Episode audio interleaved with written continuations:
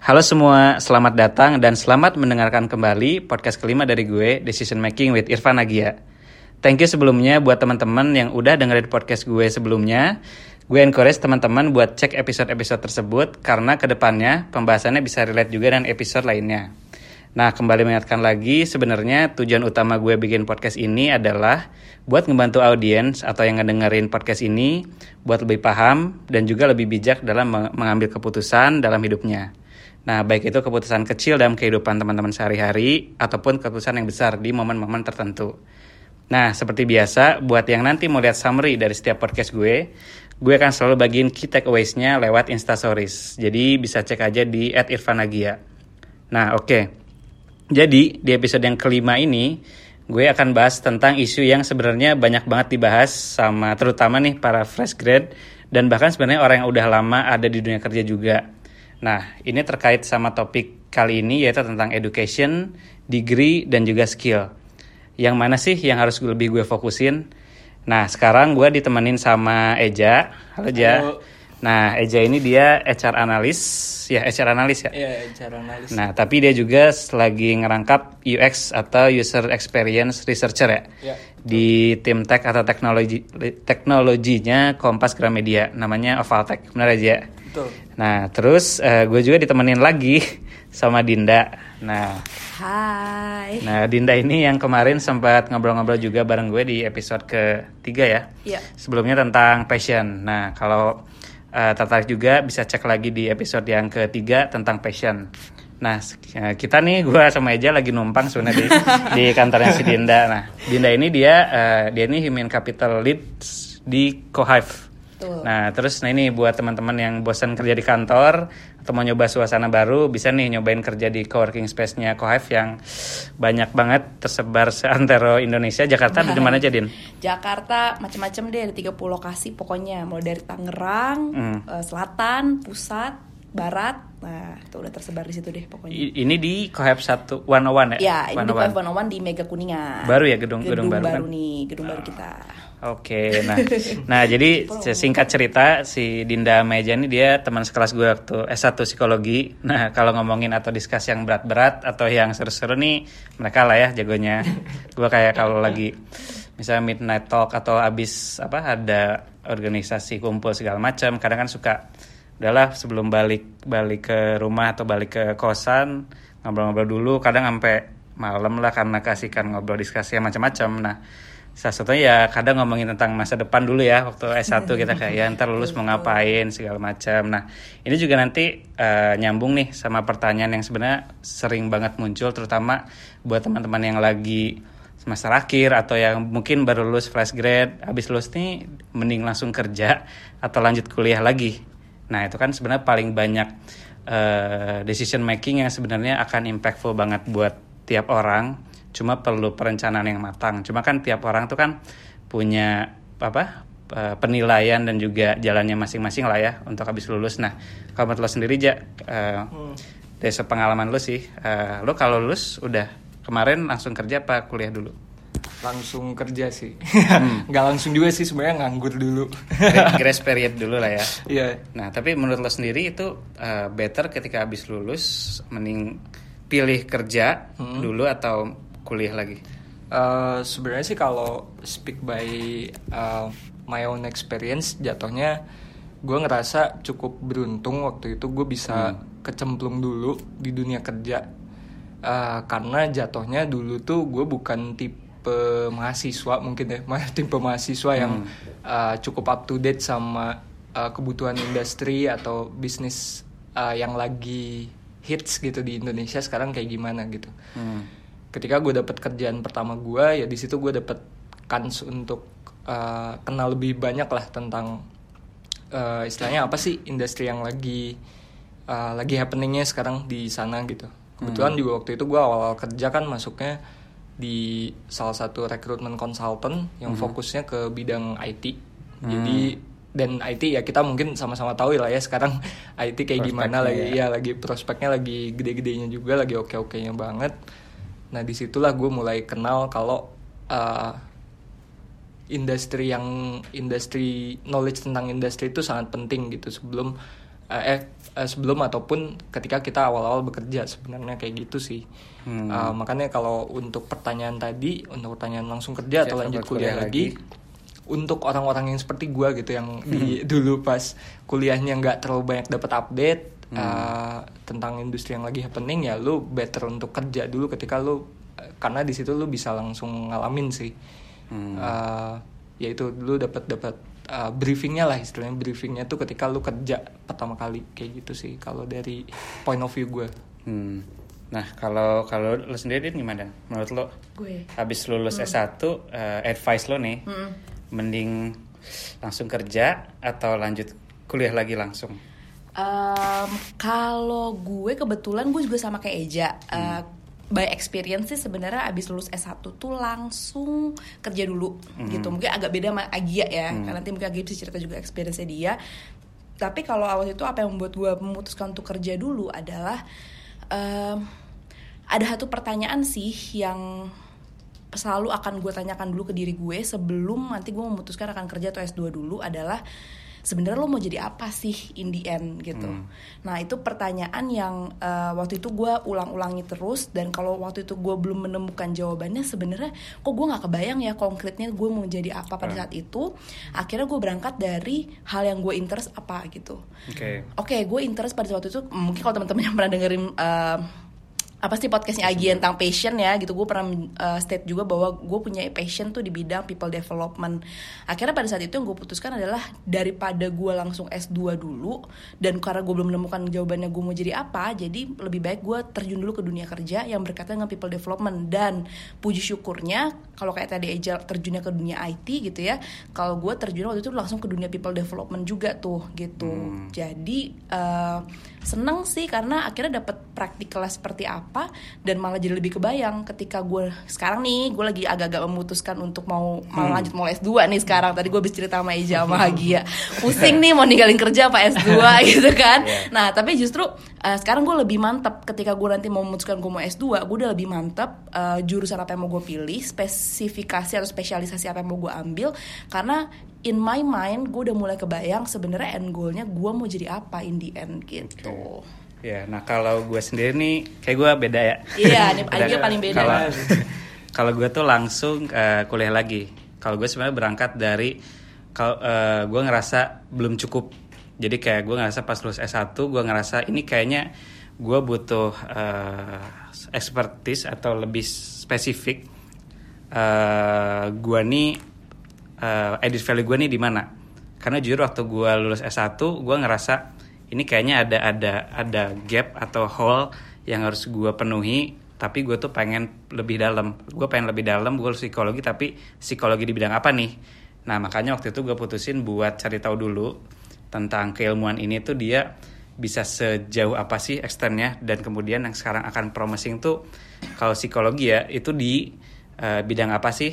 Nah setelah itu gue memutuskan kayaknya gue uh, butuh knowledge tambahan atau knowledge yang lebih expert buat gue bisa lebih mudah mendiferensiasi mendiferensiasi mendiferensiasikan gue dibandingkan lulusan psikologi yang lain. Makanya waktu itu gue ambil S2 langsung. Nah sempat juga ada pertanyaan yang sering muncul tuh kalau lanjut kuliah lagi nih mending yang bidangnya linear atau enggak?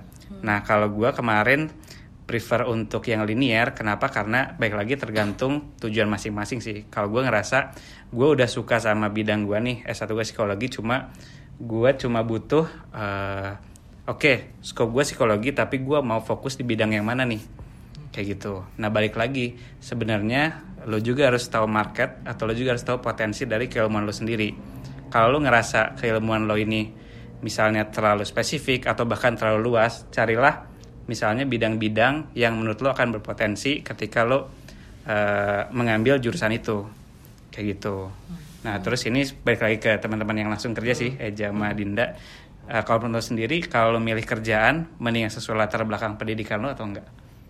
Oke okay. uh, eh, kalau dari segi itu sih hmm, sebenarnya uh, better be kayak gitu ya karena idealnya uh, uh, idealnya sebenarnya kan lu uh, kuliah lama-lama tuh uh, dalam kondisi ideal lu harusnya bisa menerapkan apa yang lu pelajari ketika kuliah langsung hmm. di tempat kerja cuma uh, bicara soal itu ya kita juga mungkin nggak bisa tutup mata sama uh, kurikulum yang ada di uh, kampus-kampus Indonesia kebanyakan sekarang juga mungkin uh, practicality-nya juga masih bisa di challenge gitu maksudnya masih Hmm. masih uh, masih mungkin kita challenge gitu akhirnya uh, balik lagi sih yang tadi Agia bilang juga yang lu bilang juga sih uh, tentang knowledge uh, kita terkait industri yang gue bilang bahas di awal juga.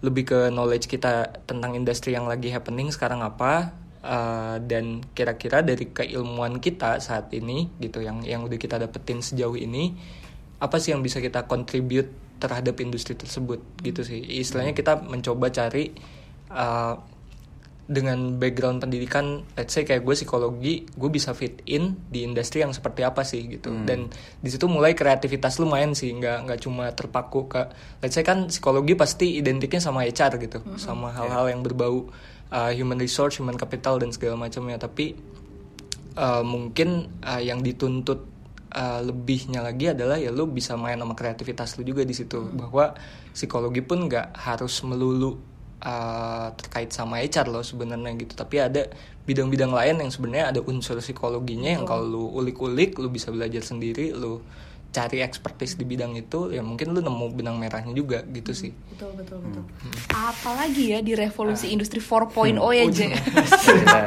yang banyak Masih kata digadang-gadangkan oleh orang itu.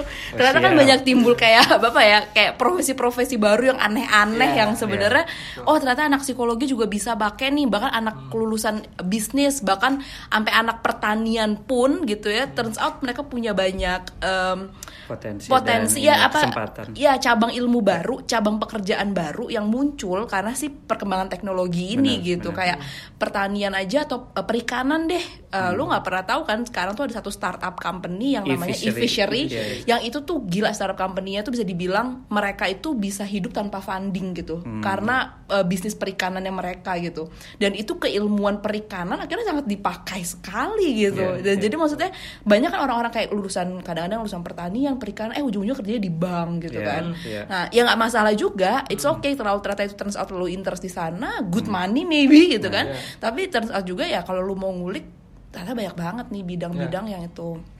Oh ya satu sih sebenarnya tadi gue juga mau bahas sebelum nanti ngomongin masalah pekerjaan dengan lebih lanjut ya.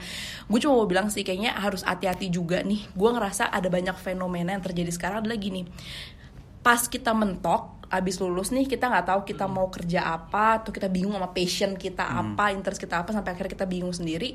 Ujung-ujungnya kayak orang mikir kayak ah udah deh gue S2 aja gitu. Ya. Nah, ya. itu fenomena banyak banget gue temuin dan even gue pun hampir terjebak karena itu. Gue mau ngambil S2 bukan karena gue tahu buat apa S2 gue atau gue mau jadi apa nanti setelah gue lulus S2 tapi karena gue mau lari dari kenyataan aja Escape gitu. aja ya. escape route aja bu Iya, gitu maksudnya. kayak gue ngerasain kayak aduh kerja pas awal-awal berat banget ya gitu. Di feedback mulu dimarahin mulu salah mulu. Ah udah deh kalau bisa emang seberat ini kerja mendingan gue S2 aja deh gitu. Iya, toh iya. juga orang tua gue bisa bayarin gue misalnya Iya, gitu iya. kan. Atau toh juga kayak pemerintah ada beasiswa nih gue ambil aja beasiswa atau apa Hmm, gitu. Padahal kan nggak seperti itu sebenarnya tujuannya S2 ada banyak orang yang akhirnya escape route itu. Terus ujung-ujungnya habis S2 lu akan terjebak di lubang yang sama lagi tuh Iya. berpikir gue mau kerja apa habis itu? Gitu Iya, kan.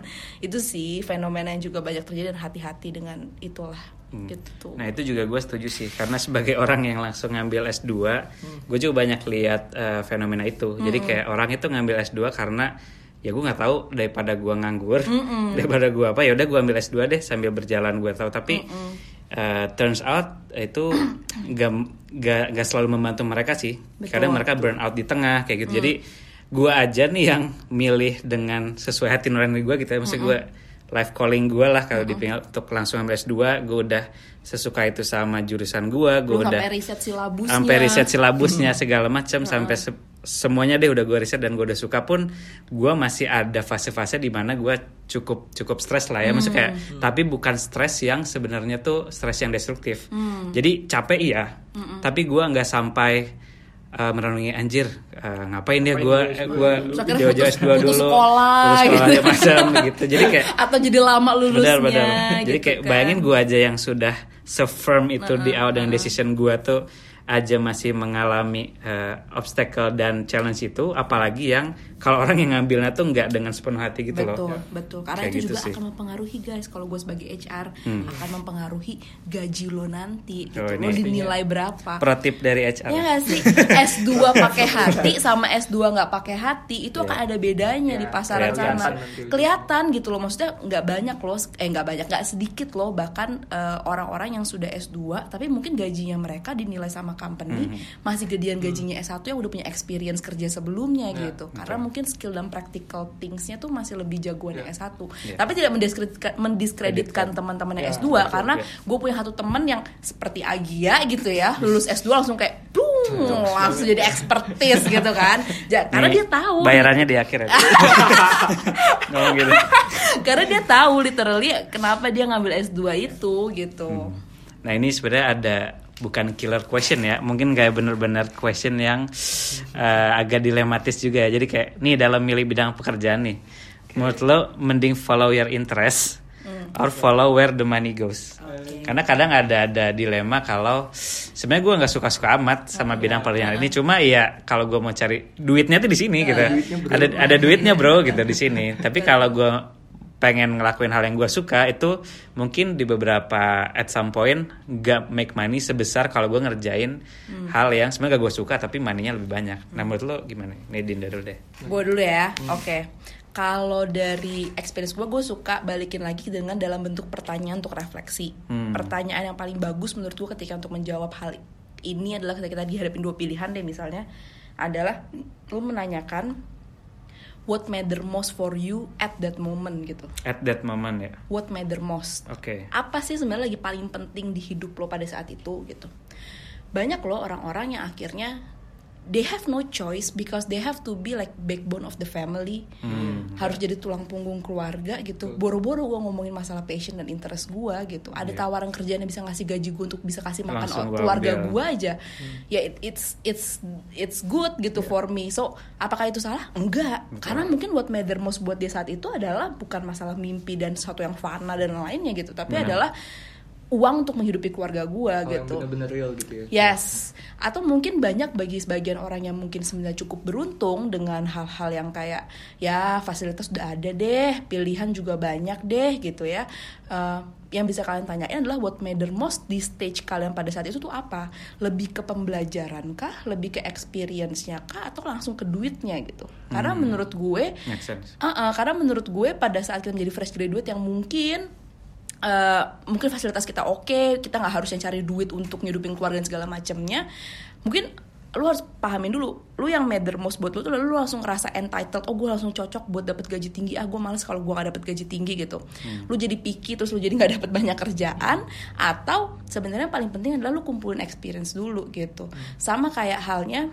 uh, ini juga balik lagi sih kayak malah gue mikirnya nggak cuman oke kerja by your interest atau by your uh, apa tadi Where the money money goes. money goes gitu kalau katanya Jack Ma di perkembangan karir yang Jack Ma bilang gitu kan usia 25 ke bawah itu sebenarnya waktu-waktunya untuk lo berbuat kesalahan sebanyak-banyaknya Fail fast. yes dan yang kedua adalah mencari good leader Hmm. Nah akhirnya malah choicesnya jangan-jangan kalau misalnya ternyata lu good, misalnya lu punya pilihan banyak, mungkin yang bisa lo pertanyakan bukan cuma good money-nya, bukan cuma interest atau enggak, bikin lo banyak belajar atau enggak, tapi adalah lo bisa pilih juga mana yang kira-kira gue jadi dapet good leader yang bisa jadi mentor di awal karir gue. Karena bahkan menurut seorang Jack Ma aja di usia segitu tuh adalah waktu-waktunya untuk lo punya mentor kerja gitu, yang nantinya akan bisa bikin lo harga lo jadi berkali-kali lipat lebih tinggi setelah itu gitu sih kalau gue ya mikirnya. Lo gimana aja? Nah dan gue juga sebenarnya eh, jangan sampai teman-teman juga saya ya kita semua juga mungkin pernah terjebak dalam pertanyaan kayak gini sih kayak lu mau follow interest lu atau lu follow eh, dreams lu gitu. Eh kayak follow interest lu atau follow eh, Money. kayak money lu money-nya ada di mana nih gitu. Ya sebenarnya pertanyaannya nggak sesimpel itu dan dunia pun jatuhnya gue lihat setelah gue kerja dan teman-teman kerja juga realitanya nggak nggak sesederhana dua pertanyaan itu sih kayak yang tadi Iya. Dinda bilang juga. Masih banyak variabel-variabel lain yang sebenarnya uh, juga krusial untuk lu pertimbangkan kayak uh, lu pilih uh, leader yang seperti apa untuk akhirnya nanti lu bisa belajar banyak dari situ. Terus kemudian juga kalau menurut gue salah satu hal yang penting juga adalah uh, company lu tuh bergerak di industri apa sih gitu. Apakah itu industri yang memang lu pengen pelajari atau lu interest untuk contribute di industri itu? Uh, lebih ke situnya sih karena gue sih kalau reflect ke diri gue sekarang let's say gue nggak terlalu interest sama hal-hal yang berbau financial banking dan segala macem. Hmm. makanya untuk gue milih karir di bid ya di company yang bergerak di industri financial atau fintech atau insurance dan segala macamnya bukan jadi uh, pilihan gue sekarang gitu. Gue lebih interest ke uh, teknologi terus juga kayak sekarang gue juga di Kompas ya karena gue tertarik dengan medianya walaupun akhirnya gue nggak benar-benar plek-plekan di media ya tapi at least gue tahu gue uh, work for something I believe in gitu. Jadi gue juga bisa bisa terus uh, apa ya? Gue bisa mengembangkan diri gue dan gue bisa ngerasa kontribusi gue tuh benar-benar uh, ada dampaknya gitu buat orang lain. Jatuhnya ke hal kayak gitu sih. Hmm. Nah ini sebenarnya pertanyaan lanjutan sih Ja. Ini eh, kalau di pengen kerja nih, kadang kan kita banyak nemuin juga orang-orang atau mungkin kita sendiri itu eh, cepat atau lambat mungkin akan pindah haluan. Misal kayak, oke, gue di psikologi tapi ternyata mungkin at some point in my life ternyata gue pindah menjadi banker Hmm. misalnya. Padahal gue tidak punya uh, educational background atau oke. prior experience di sana. Nah, kalau misalnya kita at some point memilih untuk pindah haluan, itu sebenarnya sayang nggak sih sebenarnya experience yang udah lo bangun selama beberapa tahun terus lo pindah haluan gitu. Yep. Karena kan lo sendiri sebenarnya sekarang lagi mengalami transisi Iya. ini ya nggak sih kalau nggak salah nih. Menurut lo gimana? Ya emang sih uh, kalau dari sekarang aja sih dari experience gue gue sebenarnya lagi ngalamin hal itu gitu. Cuma mungkin argumen yang bisa dilontarkan ke gue nih gitu sebagai orang yang memang uh, bisa bisa memilih untuk pindah haluan, mungkin experience gue di istilahnya di HR-nya pun belum sedalam itu gitu. Gue baru s- mungkin kayak satu setengah tahun kali ya, satu setengah tahunan di HR dan apa yang gue pelajari pun masih belum belum cukup dalam untuk akhirnya gue bisa bilang sayang nih gue udah belajar banyak gitu. Yang akhirnya gue uh, ngerasa gue masih punya kans untuk uh, pindah haluan nih untuk untuk belajar suatu hal yang baru untuk uh, building expertise gue lagi di bidang yang baru ini gitu cuma uh, kalau pertanyaannya uh, tadi istilahnya kayak yes or no gitu kayak lebih ke yes or no-nya sih uh, dibalikin lagi ke uh, yang Dinda bilang tadi sih ke apa apa yang memang matter most buat lu sekarang gitu. Hmm. lebih ke situnya sih. Dan kalaupun ya ketik itu akan menjadi uh, jawabannya akan jadi ya ketika yang lu butuh saat ini adalah let's say uh, kecepatan uh, dalam jenjang karir Hmm. kayak seberapa cepat lu naik tangga uh, jenjang karir, Karir. di company lu atau di Iya. di industri itu gitu Uh, itu akan jadi sayang gitu akan akan ya ya ya ya sayang pasti gitu Iya. sedangkan kalau emang uh, tujuan lu lebih ke oke gue emang emang ngerasa di bidang ini di industri ini gue ngerasa uh, gue at some point akan menemukan stagnansi gitu di sini gitu Hmm. ya nggak ada salahnya sih menurut gue akhirnya lo explore dan lo emang kejar apa yang emang lo pengen saat itu gitu Iya. Itu relate ke adaptability juga ya berarti ya. Ya, Maksudnya mau betul, nggak mau kita sih. harus adapt sama sama tuntutan atau lingkungan juga ya Hmm. sebenarnya. Nah ini buat Dinda nih, Din. Sebenarnya kan banyak mitos nih kalau udah kerja itu biasanya suka malas kuliah lagi. Lah, mohon maaf di Nah, gua dong. kebetulan kan lu tadi sempat nyinggung eh, sempat kepikiran lah ya untuk eh, kuliah lagi. Nah ini benar sih ke lu ngerasain gak sih kalau lu udah kerja nih, lu udah berapa tahun kerja? Empat tahun ada? Empat tahun sih. Empat tahun terus misalnya lu lu sempat kepikiran kuliah lagi nah kalaupun malas kenapa tapi kalaupun iya lu pengen kuliah lagi apa sih yang mendrive lu untuk firm mau kuliah lagi Oke. Ini jujur ya guys, kalau aku saat ini mengalami memang saat ini tuh tadi gue juga cerita sama Eja sama Galau. Agia tuh emang lagi galau nih karena ada opportunity untuk terus kerja gitu ya, masih karir lagi bagus-bagusnya juga, terus tapi ada opportunity untuk S2 lagi gitu kan. Nah, eh jujur sih memang mitos yang bilang aduh kalau udah kenal duit tuh kayaknya mau sekolah Iya. lagi tuh susah. Itu tuh Iya. Ada benernya banget dan itu manusiawi banget terjadi ya. Karena kayak udah ngerasain setiap bulan gue digaji nanti lu begitu S2 eh, apalagi kalau lu nggak beasiswa gitu kan ya dari isat lo digaji lu malah harus buang-buang Lu, uang iya, nih gitu kan. Nggak membiayai buang-buang itu. uang juga sih tapi I mean like lu harus ngeluarin uang spending uang gitu setiap bulannya.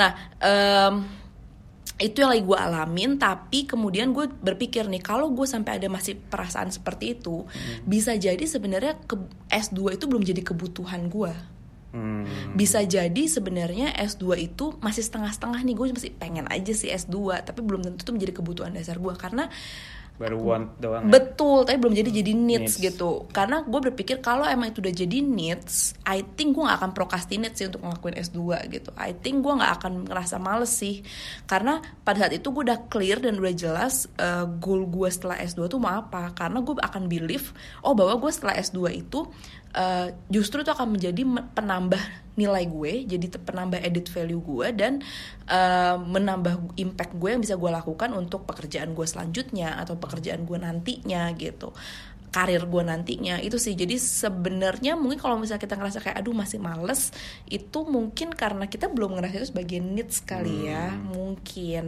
hmm. nih sebenarnya sih kalau uh -uh. gue ngelihatnya kayak uh, dari tadi kan ngobrolin tentang S2 dan segala macamnya mm -hmm. juga gitu selain memang akhirnya ya pasti lu harus tahu dulu nih ketika lu uh, memutuskan sesuatu entah itu S2 atau lu kerja kan akhirnya lu harus tahu uh, yang lu sasar tuh sebenarnya apa gitu Betul. tapi yang menarik menurut gue dari lu sempet ngomong berdua tuh tadi tentang S2 lebih ke edit value-nya itu sendiri Betul. sih kayak lu kalaupun hmm. mau S2 lu harus tahu nih edit value dari S2 itu sendiri sebenarnya yeah. apa gitu mm -mm. ketika lu mm oke okay, lu belum tahu tujuan lu apa ya berarti nggak ada value nya dong gitu. betul gitu. sedangkan kalau lu udah tahu tujuan lu apa tapi ternyata nggak nambah value tertentu betul. dalam kompetensi lu juga mungkin akhirnya jadi setengah-setengah yang lu bilang betul. tadi mungkin betul. dia gitu kan betul betul banget sih ini gue nyambung juga nih lagi seru juga karena ini uh, eh, gue jadi akhirnya merefleksikan juga bahwa ternyata bekerja itu juga sebenarnya bisa dibilang jadi S2 lu loh hmm. kerja itu sebenarnya kayak lu masuk ke universe university mungkin gitu. Lo life belajar iya lo live university mungkin gitu kan. jadi bener-bener uh, lo belajar dari kehidupan real gitu. Yeah. kalau orang ngerjain kerjaannya cuma sekedar rutinitas atau mencari uang mungkin dia akan menyadari itu. Hmm. tapi gue menyadari bahwa ternyata gue empat tahun kerja gue nggak gue cukup pede sih kalau gue harus ngobrol sama misalnya kayak Agia yang udah S2 atau misalnya teman-teman lain yang mungkin udah profesor atau S2 karena menurut gue gue juga punya experience dan ilmunya yang menurut gue gue endapkan gue praktikkan gue evaluasi gue pelajarin terus gitu hmm. dan ternyata justru kalau gue melakukan hal seperti itu malah jadinya tempat kerja gue adalah university gue misalnya hmm. ternyata gitu nah itu menurut gue sih kalau emang teman-teman tertarik juga belajar tentang yang namanya self regulated learning. Hmm. self regulated learning itu satu konstruk di psikologi yang mengajarkan sebuah siklus dalam diri kita untuk menjadikan kita seorang life long life learner. Jadi orang yang terus belajar dan bertanggung jawab terhadap proses pembelajarannya kita. Dan sebenarnya orang dewasa itu belajarnya bukan dari buku dan teori lagi gitu.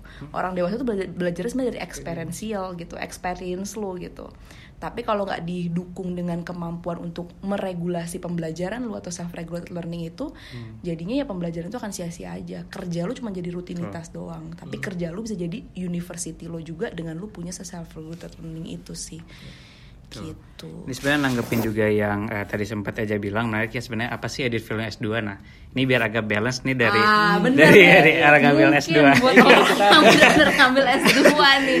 Eh, nah kalau jujur salah satu ini juga nyambung ke Dinda tadi sih. Bener gak sih kalau abis lulus eh, abis kerja tuh mau kuliah lagi kadang suka males. Nah itu salah satu alasan gue ngambil S2 lagi karena mumpung. Jadi mumpung gue masih sering baca jurnal, hmm. mumpung masih anget nih, masih hmm. anget baru lulus, sudahlah langsung gas aja S2. Betul, betul. Karena mumpung uh, karena gue juga sempat uh, satu satu apa ya satu tempat kuliah satu satu kelas lah ya sama beberapa teman yang sebelumnya udah kerja dulu mm-hmm. jadi kayak waktu gue di Belanda tuh ada yang udah kerja dulu empat tahun lima tahun bahkan yang ada yang udah sampai levelnya head itu udah 8 tahun kerja mm. itu sekelas sekelas sama gue tuh di S2 nah memang uh, cerita dari mereka awal-awal adaptability-nya agak agak lama. Kenapa? Hmm. Karena mereka terbiasa lagi tuh baca jurnal. Yes, yes, Karena betul, di practical experience mereka di working environment itu nggak selalu untuk hmm. baca jurnal. Iya, Sedangkan yeah, yeah. kalau di academical setting, setiap apa yang lo lontarkan, hmm. opini lo atau apa pun yang lo sampaikan ke ranah publik ataupun ranah discussion itu harus berdasarkan teori hmm. atau berdasarkan dari studi apa nih. Makanya ya. riset apa. Jadi kayak benar-benar uh, kita tuh harus sesering itu baca jurnal, baca hmm. artikel ilmiah bahkan kayak harus harus publish ilmiah atau conference segala macam. Nah, sebenarnya kalau uh, edit value di S2 ini sebenarnya salah satunya adalah proof of expertise sebenarnya. Kayak contohnya itu adalah proof yang sebenarnya kalau di konteks sekarang ya gue lihat tapi gue gak tahu beberapa tahun ke depan apakah masih uh, relevan Relevan. relevan atau enggak. Jadi kayak oke lu bilang lu pakar perilaku konsumen. Ya. What's the proof gitu. Yes. Nah, gue dengan dengan confident bisa bilang karena background keilmuan gue di sana. Oke. Gue S2 gue fokus di economic and consumer psychology. Jadi eh, secara secara background akademik, gue confident dan gue pantas untuk membicarakan hal-hal terkait dengan perilaku konsumen. Karena gue udah punya proof, proof bahwa gue sudah menyelesaikan Masters of Science di bidang behavioral science, consumer psychology. Nah itu salah satu edit value yang menurut gue akan sangat membantu teman-teman yang mau S2 kalau nanti mau kerjanya tuh akan di bidang yang cukup spesifik. Iya, gue setuju. Dan Gitu. itulah yang gue bilang makanya Agia tuh dari awal udah berangkat dari needs-nya gitu. Iya. Dia udah punya needs-nya untuk bisa increasing his credibility Yes. di spesialisasi yang dia pengen gitu. Betul. Dia udah tahu itu dari awal. That's why itu menurut gue jadinya worth it banget buat Agia gitu. Nah mungkin buat gue yang masih pada saat itu juga masih belum paham gitu kan ya, jadinya masih butuh mencari. Makanya tuh kayak it's different gitu Iya. nggak sih? Akhirnya pertanyaannya balik lagi ke diri kita lagi gitu nggak sih? Ya dan needs pun berangkat ya oke lu punya needs, lu punya kebutuhan, lu mau punya kemauan juga buat S2 tapi ya balik lagi sih yang poin yang pertama gue kita bahas juga tadi kayak lu harus tahu market sekarang kayak gimana gitu. Lu harus tahu industri yang lagi happening yang memang lagi butuh tenaga. Istilahnya kayak uh, butuh resource yang mema- yang banyak di situ gitu yang bakal lu bakal dicari-cari lah istilahnya kayak keluar di situ. nggak sih? Jadi ya bahasnya lagi-lagi ya kayak nggak cuman apa yang lo interest gitu Iya, kan lu yang lagi nih? iya lagi lo suka lagi lo emang lo jago di situ tapi lo juga harus ngeliat marketnya lagi ada nggak? Nah. demand untuk pekerjaan area pekerjaan itu lagi dibutuhin banget nggak gitu? Supaya lo begitu lulus S2 emang lo dicari-cari banget gitu kan? Nah itu juga salah satu apa eh, bukan tips ya. Jadi sebenarnya saran gue untuk yang mau MS2, lu nggak cuma harus suka sama eh, keilmuan yang lo ambil, tapi lu juga harus believe. Lu harus believe kalau keilmuan yang nanti lo ambil itu akan perspektif, demandnya tinggi dan profitable juga. Kayak contoh, gue pun sampai sekarang eh, masih gue masih keep in mind, gue masih bisa memvisualisasikan diri gue, gue akan ambil PhD. Itu kan S3. Kenapa? Karena eh, selama perjalanan gue bekerja, gue kan udah, udah udah kerja nih. Ada beberapa offer tau- dan bahkan juga fact-nya juga di beberapa negara di multinational company itu dia udah demand bahkan position yang require PhD hmm, oke gitu. Jadi uh, beberapa multinational company yang sudah believe dengan uh, prospek dari keilmuan gue sekarang nih behavior science itu udah bahkan demandnya tuh untuk PhD. Oke. Jadi mereka tuh butuh semacam internal consultant, internal expertise buat memagari mereka setiap decision making, business decision making sesuai dengan expertise-nya. betul betul. Kayak gitu. Jadi itu jadi salah satu justifikasi gue untuk tetap mengam bahkan pursuing higher degree again S3 kayak gitu. Nah, tapi sebenarnya ini gue mau mau share manage ekspektasi juga sih sebenarnya. Jadi kayak sempat juga ada ada ada semacam selentingan atau apa kayak emang lulusan S2 itu pasti lebih valuable ya dibanding lulusan S1 karena jujur uh, gue sendiri ya ngerasa ketika lulus S2 at some point gue ngerasa entitled entitled ketika balik ke Indo wah kerjaan gue ini harus yang misalnya gajinya tinggi nih atau yang kayak ya ya gue kan S2 gitu masa gue masih di samain sama early Fresh entry atau graduate, fresh ya. grade tapi in reality enggak Uh, most of the time itu kita perlu berkaca sama diri kita juga sih Betul. kayak kalau kita di posisi company kita mau hire uh, orang yang misalnya lulusan S2 tapi no prior experience atau work experience dibandingkan S1 tapi dia udah punya business acumen, udah punya work experience, pasti orang uh, akan coba lebih ini ke S1 yang experience itu. Betul. Kayak gitu. Jadi sebenarnya itu bagaimana ekspektasi juga sih. Iya, iya. Kayak gitu. Jadi sebenarnya eh, balik lagi kita harus tahu juga S2 yang kita ambil itu nanti kita mau apply di market yang seperti apa. Hmm. Kalau misalnya si company yang kita apply atau mau kerja itu membutuhkan expertise, itu ada value bagi S2. Betul. Gitu. Tapi kalau bidangnya cukup general, Iya. mungkin eh, bargain position kita tidak sebanyak itu Ya, kayak betul, gitu. Lu lu pernah nggak sih Din kayak nemuin employer yang lu harus milih antara S1 Betul. dan lulusan S2 gitu. Uh, setuju setuju. Kayak di dalam company gue sendiri pun akhirnya ada beberapa bagian yang sebenarnya iya elah gue SMK juga bisa deh Iya, ngerjain itu iya. gitu. Even nggak perlu S1 gitu Benar, kan. benar. ada akhirnya beberapa kayak udah S1 apa aja juga masuk deh bisa nggak harus jurusan tertentu. Ada S1 yang harus jurusan itu gitu. Karena berkaitan dengan skill misalnya kayak finance accounting ya lu harus fin- S1 finance accounting gitu. Kalau enggak lu nggak bisa masuk ke situ gitu. Ada juga benar kata Agia tadi yang itu dia harus ada S2-nya dulu Iya. gitu. Baru dia akan di proven dia bisa. Satu contohnya ya itu kayak pekerjaan-pekerjaan kalau di tempat gue tuh yang berkaitan dengan kayak corporate finance, corporate strategy yang kayak gitu-gitu tuh akan lebih valuable ketika ya dia udah pernah S2 plus dia udah pernah bekerja juga sih gitu. Jadi akhirnya lebih ke arah situ. Emang bener sih tapi setuju sih gue. Nah, gue juga mau share dikit sih, dikit tentang ketika gue lulus S2, terus masuk ke uh, workplace, itu ada adaptasi yang gue kira transisinya cukup lama. Karena pertama, gue udah uh, dari S1 kan langsung S2. Nah, gue tuh uh, banyak uh, ketika gue kuliah itu dibuat berpikir runut berpikir uh, semua harus ada reasonnya, semua harus ada teorinya. Nah, bisa dikatakanlah perfeksionis lah ya.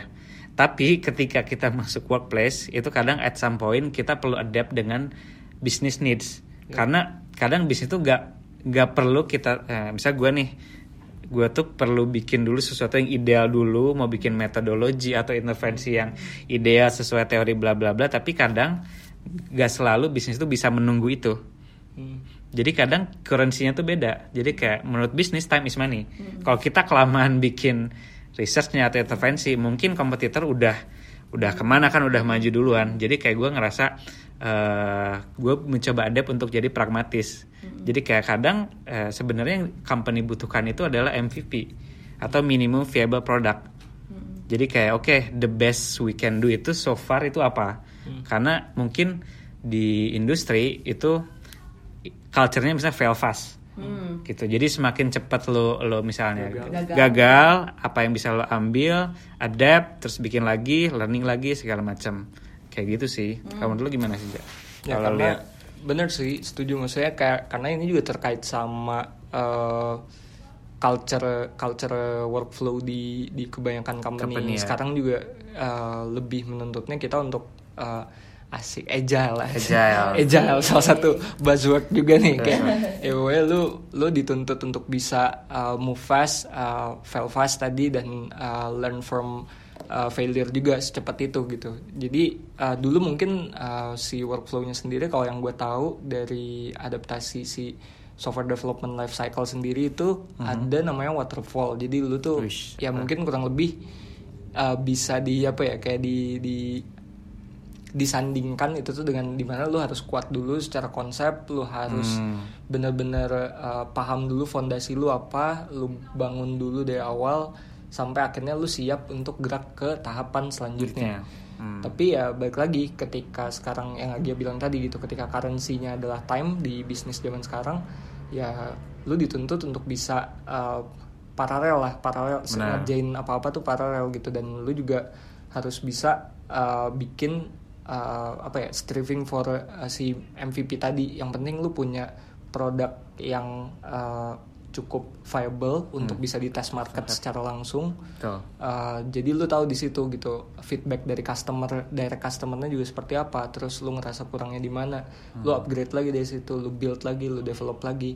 Yang sampai akhirnya nanti pun uh, akan dapat satu produk yang memang bisa mengakomodir si customer itu sendiri gitu walaupun ya itu juga perdebatan sendiri sih kayak nggak nggak ada yang akhirnya Benar, beres benar. juga gitu Benar. sebenarnya gitu Nah, nyambung ke yang tadi lo bilang tentang agile sih. Jadi, kalau menurut lo sendiri nih, Ja, ini Hmm. pendapat pribadi lo aja. Mending jadi generalis atau orang yang agile oke atau expertise? Oke. Kalau gue sih ngejawab pertanyaan ini sih lebih ke tergantung dari fase karir lu sekarang ada di mana sih. Kalau menurut gue gitu. Kalau emang fase karir lu masih di awal-awal kayak entry level atau uh, mungkin bahkan junior juga gitu ya, lu masih uh, masih nggak masalah kalau lu uh, mencoba sebenarnya bukan nggak masalah sih, tapi ya ada baiknya lu lebih milih untuk jadi generalis dulu gitu. Untuk lu nyobain semua dulu, lu explore semua hal lu tahu dulu skill yang dibutuhin apa uh, industry knowledge lu juga dibangun di situ business knowledge lu juga dibangun di situ Hmm. sampai at some point lu ngerasa udah mulai keteteran nih Yeah. uh, ngerjain sebanyak ini karena semakin lu skillful semakin banyak demand kalau juga biasanya Benar, benar. kayak gitu Benar, benar, benar. semakin Setuju lu perform di di company lu lu akan banyak dapat demand juga lu bakal dapat banyak tuntutan task yang harus lu kerjain nah ketika lu mulai ngerasa overwhelmed di situ ada baiknya lu mulai berani untuk uh, taking the path of expertise sih Hmm. jadi lu udah mulai kasarnya kayak nolak-nolakin kalau disuruh ngerjain kerjaan yang menurut lu nggak relevan buat lu gitu kayak Benar, benar. Let's say kalau gue sendiri sekarang sebenarnya gue masih masih di awal karir gue juga sih cuma gue udah nggak tahu diri aja gue mau ngambil expertise gitu. Kayak sekarang sekarang ini juga gue udah mulai milih-milih sih kayak uh, di Kompas Gramedia sendiri sekarang kita lagi EVP development uh, terkait employer branding. Hmm. Nah gue di situ karena gue ngerasa emang interest gue di situ dan gue ngerasa uh, belum banyak juga ya balik lagi ke market kayak gitu. Belum banyak juga expertise di area employer branding. Akhirnya gue ngerasa kalau gue ngambil expertise di sini dari sekarang itu akan sangat uh, investment ya ah, untuk personal investment branding untuk juga karir ya. gue untuk personal branding gue ke depannya gitu.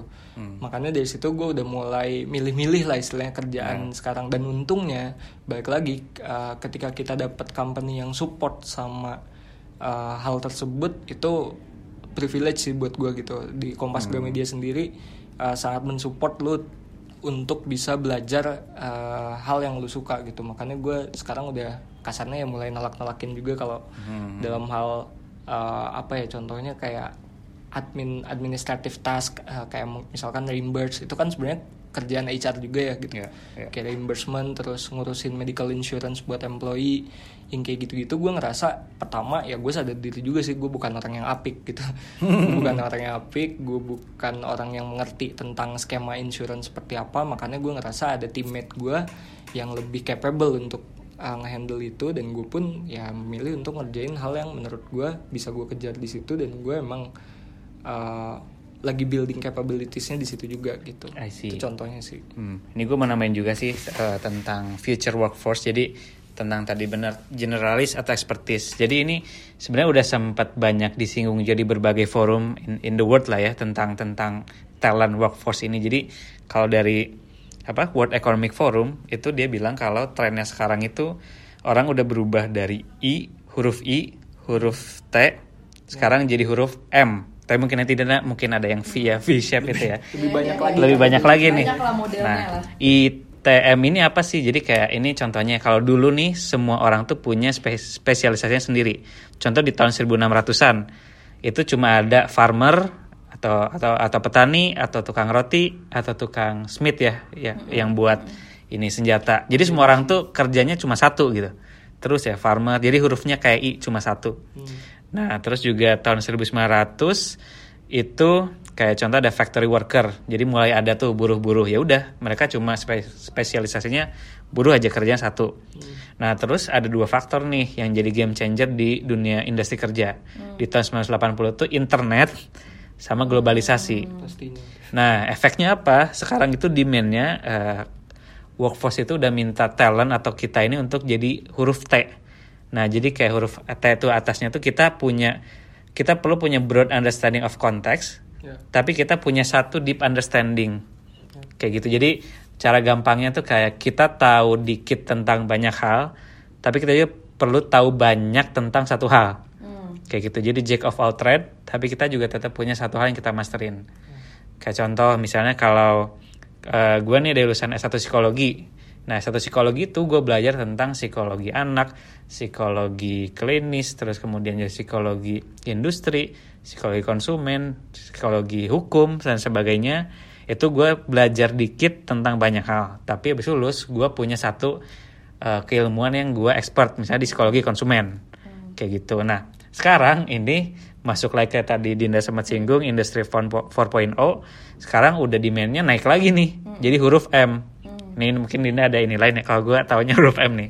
Jadi kita punya kayak tadi huruf T punya broad understanding apa konteks tapi expertise kita perlu banyak juga. Kayak contoh gue misalnya uh, broad broad konteksnya gue behavior science ilmu tentang perilaku. Nah huruf M-nya uh, garis pertama gue adalah consumer psychology.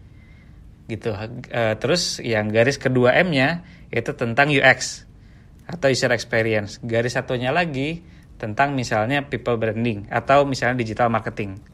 Kayak gitu. Nah, sekarang kenapa itu setiap orang tuh perlu punya banyak expertise? Efeknya adalah kita harus continuous learning. Jadi sekarang itu kita nggak cukup untuk puas dengan satu expertise kita karena ya, the world itu fast banget changingnya dan banyak field-field baru dan banyak juga field-field yang sebenarnya tuh udah multidisipliner. Betul. Jadi udah bukan jadi monopoli satu satu background akademik lagi, tapi kayak ya udah kayak contoh HR gitu. HR kan sekarang sebenarnya bukan monopoli orang psikologi doang. Iya. Jadi kayak orang hukum, orang manajemen itu bahkan finance pun bisa gitu untuk di sana. Jadi kayak itu efeknya kita perlu continuous learning dan mau belajar keilmuan lain juga sih. Menurut lo gimana ini? Eh, setuju sih. Tadi kan kalau misalnya bahasanya sih uh, Agia bilang ada huruf M. Kalau gue tuh ke mana ada huruf uh, V, bukan huruf V lambang V, P, P, PHI, PHI, ya kayak yang uh, uh, kan itu kan dua dua tujuh. per tujuh itulah ya Dua-dua per tujuh. 3,14 Iya, ya intinya kayak uh, satu lu punya satu tiang pancang yang merupakan expertise lo terus abis itu juga lu punya si penutup hur- uh, lambang P-nya itu kan adalah uh, si spesialisasi lu nih di- bisa digeneralisasi ke mana aja sih gitu kan. Dan lu punya satu expertise lagi gitu. Sama kayak tadi katanya Agia dan um, setuju banget bahwa akhirnya di sini kemampuan kita untuk bisa uh, belajar terus itu tuh jadi edit value lo gitu. Ya lu bayangin aja lah uh, misalnya contohnya lu akan hire orang yang bisa programming tok sama lu hire orang yang bisa programming plus digital marketing lebih mana gitu kalau lu Ya. jadi company lu cukup bayar satu orang lu perlu bayar dua orang satu untuk programming satu buat digital marketing atau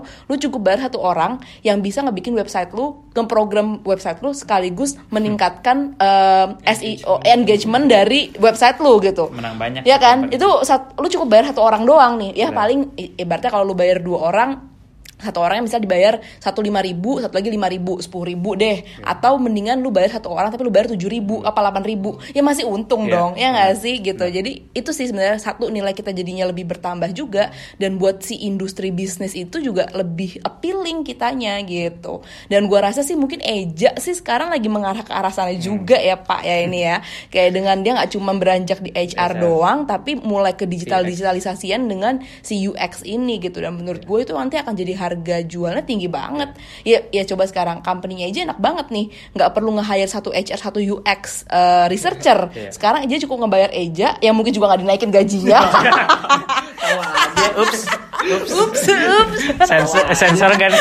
Tolong uh, yang terhormat Bapak HRD Kompas Gramedia, tolong saya karyawan Narendra Yusuf Hadiana.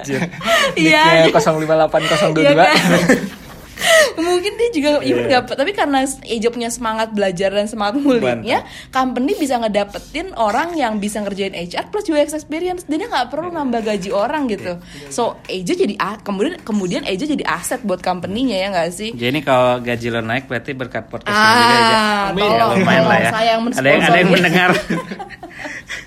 Oke, jadi dari tadi yang kita discuss mungkin bisa simpulin kita tuh we all need to become lifelong learner lah ya. Yes, betul. Karena kayak industri agile ini lo mau S1, mau S2, mau langsung kerja apa pun perlu salah satu soft skill yang perlu kita punya semua itu adaptability.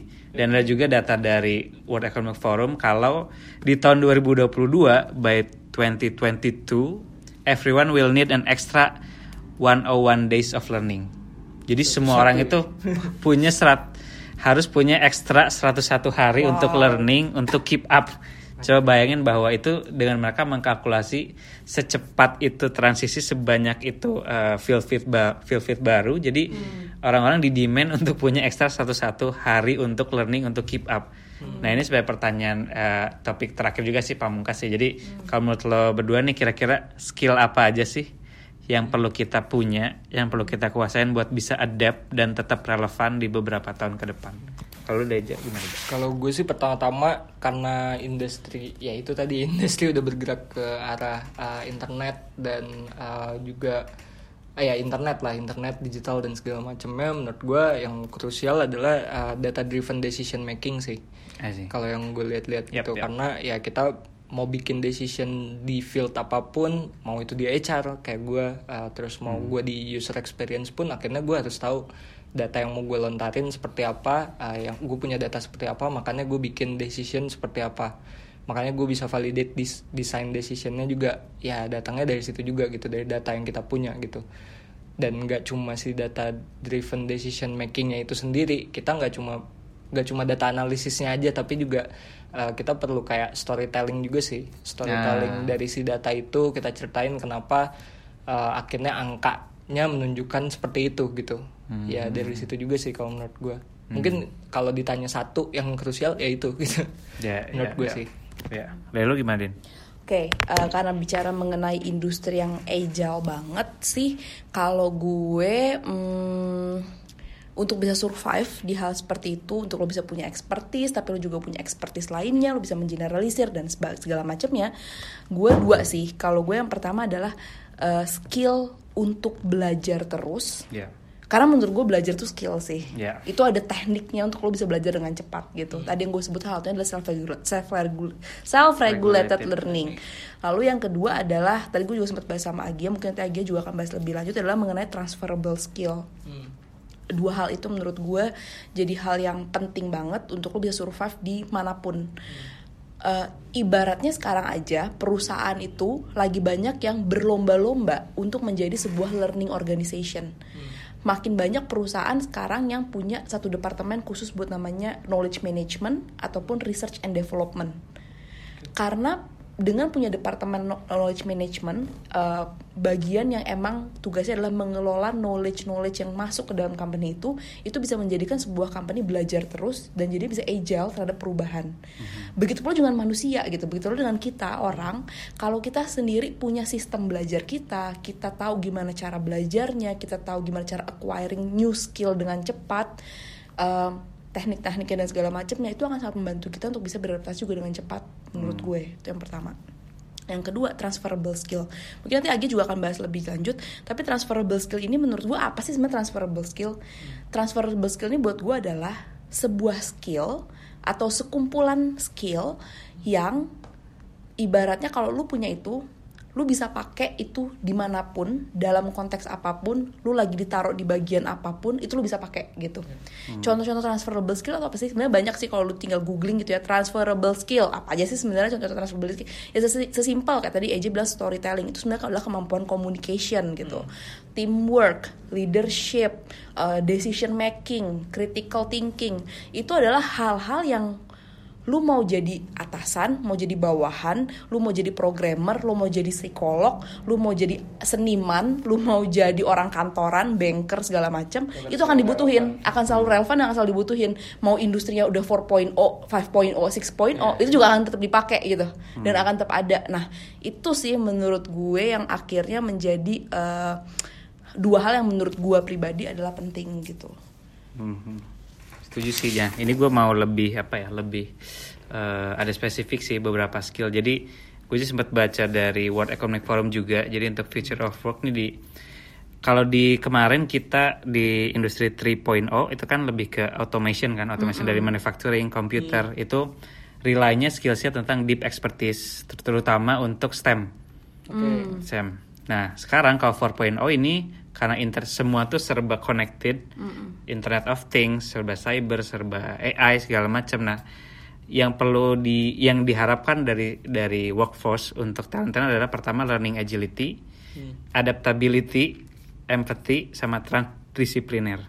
Jadi kita kita bakal expect bahwa nanti tuh mungkin di eh, most of the time semua eh, position itu mereka membutuhkan multidisipliner. Jadi kayak eh, kayak contoh nih misalnya justru paradoksnya jangan takut sebenarnya kayak ketika terutama untuk para human scientist atau human hum, humaniora di sana kayak kalau ke sana tuh justru eh, apa orang-orang dengan background knowledge human science itu akan dibutuhkan banyak banget. Ya.